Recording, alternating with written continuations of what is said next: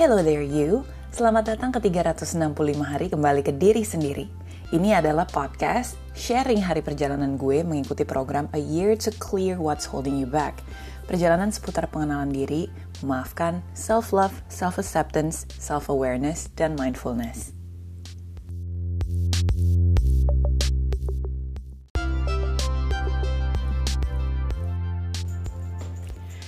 Guys, Happy New Year. Selamat tahun 2020 Waktunya kita juga visionnya 2020 ya, Bo ya.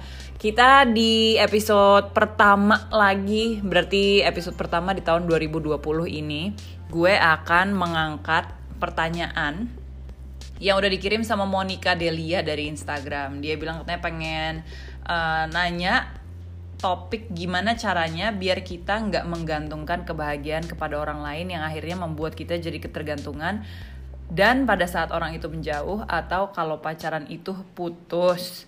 Terus kita jadi ngerasa down banget kayak kebahagiaan kita hilang. Ya intinya karena kita terlalu naruh kebahagiaan pada orang lain gitu. Itu yang pertama. Yang kedua gimana sih caranya buat ngelatih diri kita biar nggak selalu biar nggak harus selalu merasa diterima, diperhatikan orang lain. Ya sejenis harus lebih ngerasa bodoh amat gitu. Cara bodoh amat yang dewasa. Oke, okay, good question. Kita jawab dulu pertanyaan pertama ya. Gimana caranya supaya kita tidak menggantungkan kebahagiaan kita kepada orang lain adalah dengan cari tahu dulu kita itu sebenarnya kalau bahagia pada saat apa sih? Intinya adalah the more we know ourselves, the more we're not dependent on other people.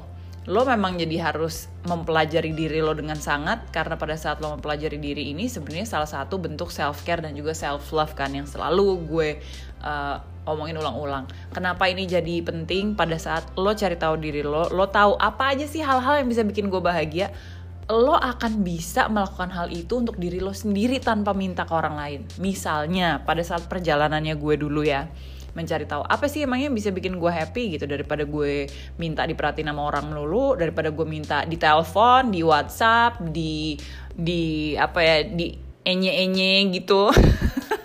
Supaya gue happy. Tapi sebenarnya itu bikin orang lain malah jadi stres dan capek dan enak sama gue gue nanya apa sih yang bikin gue happy sebenarnya? Gitu kan. Terus uh, gue mulai dari yang uh, perintilan banget dulu aja gitu. Gue happy sih sebenarnya kalau misalnya lingkungan tempat gue tinggal gitu ya rumah gue kamar gue itu rapi bersih organize tertata tuh gue happy loh.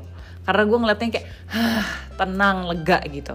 Oke itu satu. Berarti cara gue untuk bisa bikin gue lebih happy adalah gue bersih bersih beresin rumah gue atau kalau gue nggak sempet minta tolong mbak gitu untuk bersihin rapiin organizing semuanya gitu kan tapi lebih bagus sebenarnya kalau kita bisa bikin sendiri Terus gue nanya lagi, apalagi yang sebenarnya bisa bikin gue happy? Gue itu ternyata anaknya suka banget sama alam. Jadi makanya itu gue pindah dari Jakarta ke Bali karena di Jakarta nggak bisa gue bertemu dengan alam di sana susah gitu kan.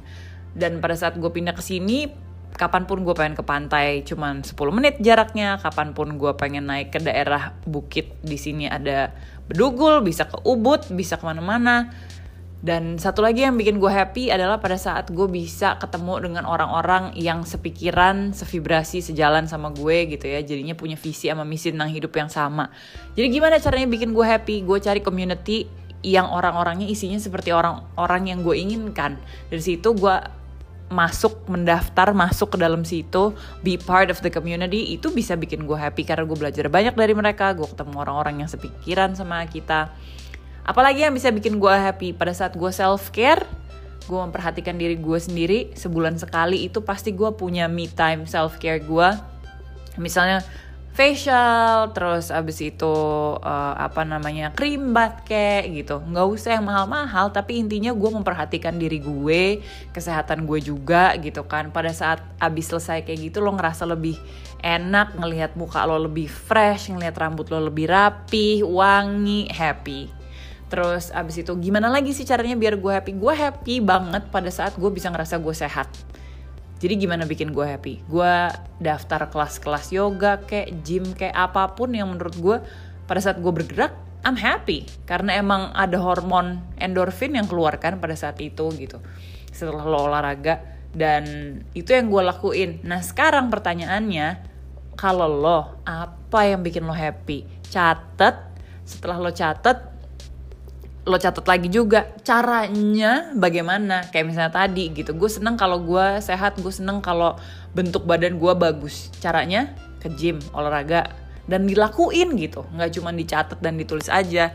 Dan pada saat lo bisa membuat diri lo happy lo nggak akan tergantung sama orang lain sih. Karena orang lain harus bisa bikin mereka diri mereka sendiri happy kan? Bukan terus-terusan ke kita. Dan pada saat kita udah bisa happy dengan diri kita sendiri otomatis orang lain pasti akan align sama kita, yang segaris sama kita, akan bikin kita happy juga. Soalnya lo nya udah happy gitu. Terus pertanyaan yang kedua tadi, gimana ngelatih diri supaya nggak harus selalu merasa diterima dan diperhatikan orang lain? Sama, semua kembali ke diri lo sendiri. Kenapa nama podcastnya 365 hari kembali ke diri sendiri? Gimana supaya nggak menggantungkan diri kita supaya bahagia, dibikin bahagia sama orang lain? Ya bahagiain diri lo sendiri. Gimana supaya kita nggak ketergantungan apa tuh tadi pertanyaannya? Biar nggak selalu merasa diterima terima diri lo sendiri. Apa sih dari diri lo yang kira-kira lo masih belum bisa terima? Iya kan? Pada saat pada saat lo belum bisa terima satu sisi dari diri lo orang lain pun akan nge-reject lo terus-terusan. Coba lo tanya lagi ke diri lo gitu. Apa sih yang lo masih mungkin kurang suka? Apa yang menurut lo masih negatif tentang lo? Bagian itu yang harus lo sayangin. Bagian itu yang bener-bener harus lo terima bukan cuma 100% tapi 1000% dan jadiin itu kekuatan lo justru bukannya jadiin itu sebagai kelemahan. Karena kadang-kadang kan kayak gue nih wah gue orangnya bisa keras banget. Kalau misalnya gue nggak suka akan sesuatu gue bisa keras banget. Pada saat gue marah gue juga bisa meledak nih. Tapi gimana caranya menggunakan itu sebagai strength adalah bukan marah sembarangan. Kalau gue marah daripada gue tuangin yang mukulin orang gue akan tuangkan itu ke kreativitas gue misalnya gue kesel banget sih gue bakal buktiin ya nih gitu. Gue bakal buktiin deh nih gue bisa. Dan dilakukan di bagian situ gitu. Jadi gue menggunakan kelemahan gue sebagai kekuatan gue pada akhirnya. Dan pada saat gue bisa menerima dan gue nggak berusaha untuk gue nggak berusaha untuk jadi orang lain gitu ya. Jadi saran gue sih adalah terima diri lo apa adanya tanpa harus berusaha jadi orang lain. Tapi nggak berarti lo tidak mengembangkan diri lo menjadi lo yang lebih baik. Gue tahu gue orangnya gampang meledak marah. Dan gue tahu itu udah jadi karakter dan gue terima. Kalau gue memang kalau marah seperti itu. Tapi yang gue benerin setiap saat adalah gue memilih sekarang. Harus marah apa enggak di momen-momen A B C D E F G gitu. I pick my battle jadi sekarang nggak semua hal bikin gue marah, tapi apa hal-hal yang penting dan memang gue memang harus marah, gue marah. Kalau dulu hal-hal yang nggak penting pun jadinya gue bikin marah gitu kan, which is so unnecessary dan bikin gue capek sendiri gitu. Jadi tetap memperbaiki diri juga, tapi at the same time accept yourself.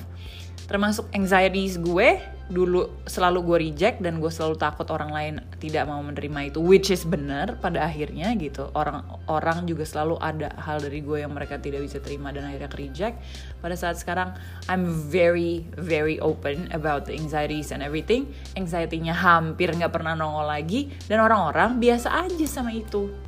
Dari gue sudah tidak memper, menggantungkan lagi orang mau suka sama gue apa enggak sih I don't really give a flying fuck. Karena menurut gue gue ya gue yang ngasih makan gue gue yang bikin gue happy gue yang terima diri gue sendiri gue. Jadi caranya untuk bodoh amat adalah ya literally dengan gak lo pikirin sih. Kayak gimana ya contohnya? Nggak membuat omongan orang atau pendapat orang tentang lo relevan tapi bikin pendapat lo tentang lo relevan.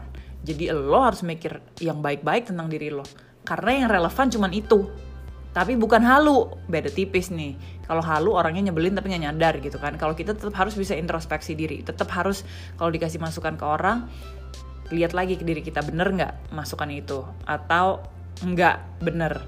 Tapi jangan dibikin jadi ngedrop dibikin untuk ngebangun kita dan tetap jadikan apa pun itu pendapat orang tentang kita. Nggak relevan aja sama kebahagiaan gue gue happy happy aja kok kalau orang lain misalnya bermasalah sama poni gue yang miring atau orang lain bermasalah sama gue bersikap kayak apa kalau menurut gue bener ya udah gitu ya pendapat orang lain ya pendapat orang lain aja boleh kok mereka berpendapat gitu anggapnya gitu aja boleh kok lo kalau mau punya pendapat tapi gue nggak harus sama-sama lo dan lo bilang gue jelek kalau menurut gue gue cakep ya udah gitu nggak relevan kan? Bodoh amat yang dewasa tuh kurang lebih kayak gitu. I hope that helps. Untuk yang mau nanya lagi silahkan Monica Delia semoga terjawab pertanyaannya. Kita ketemu lagi di episode berikutnya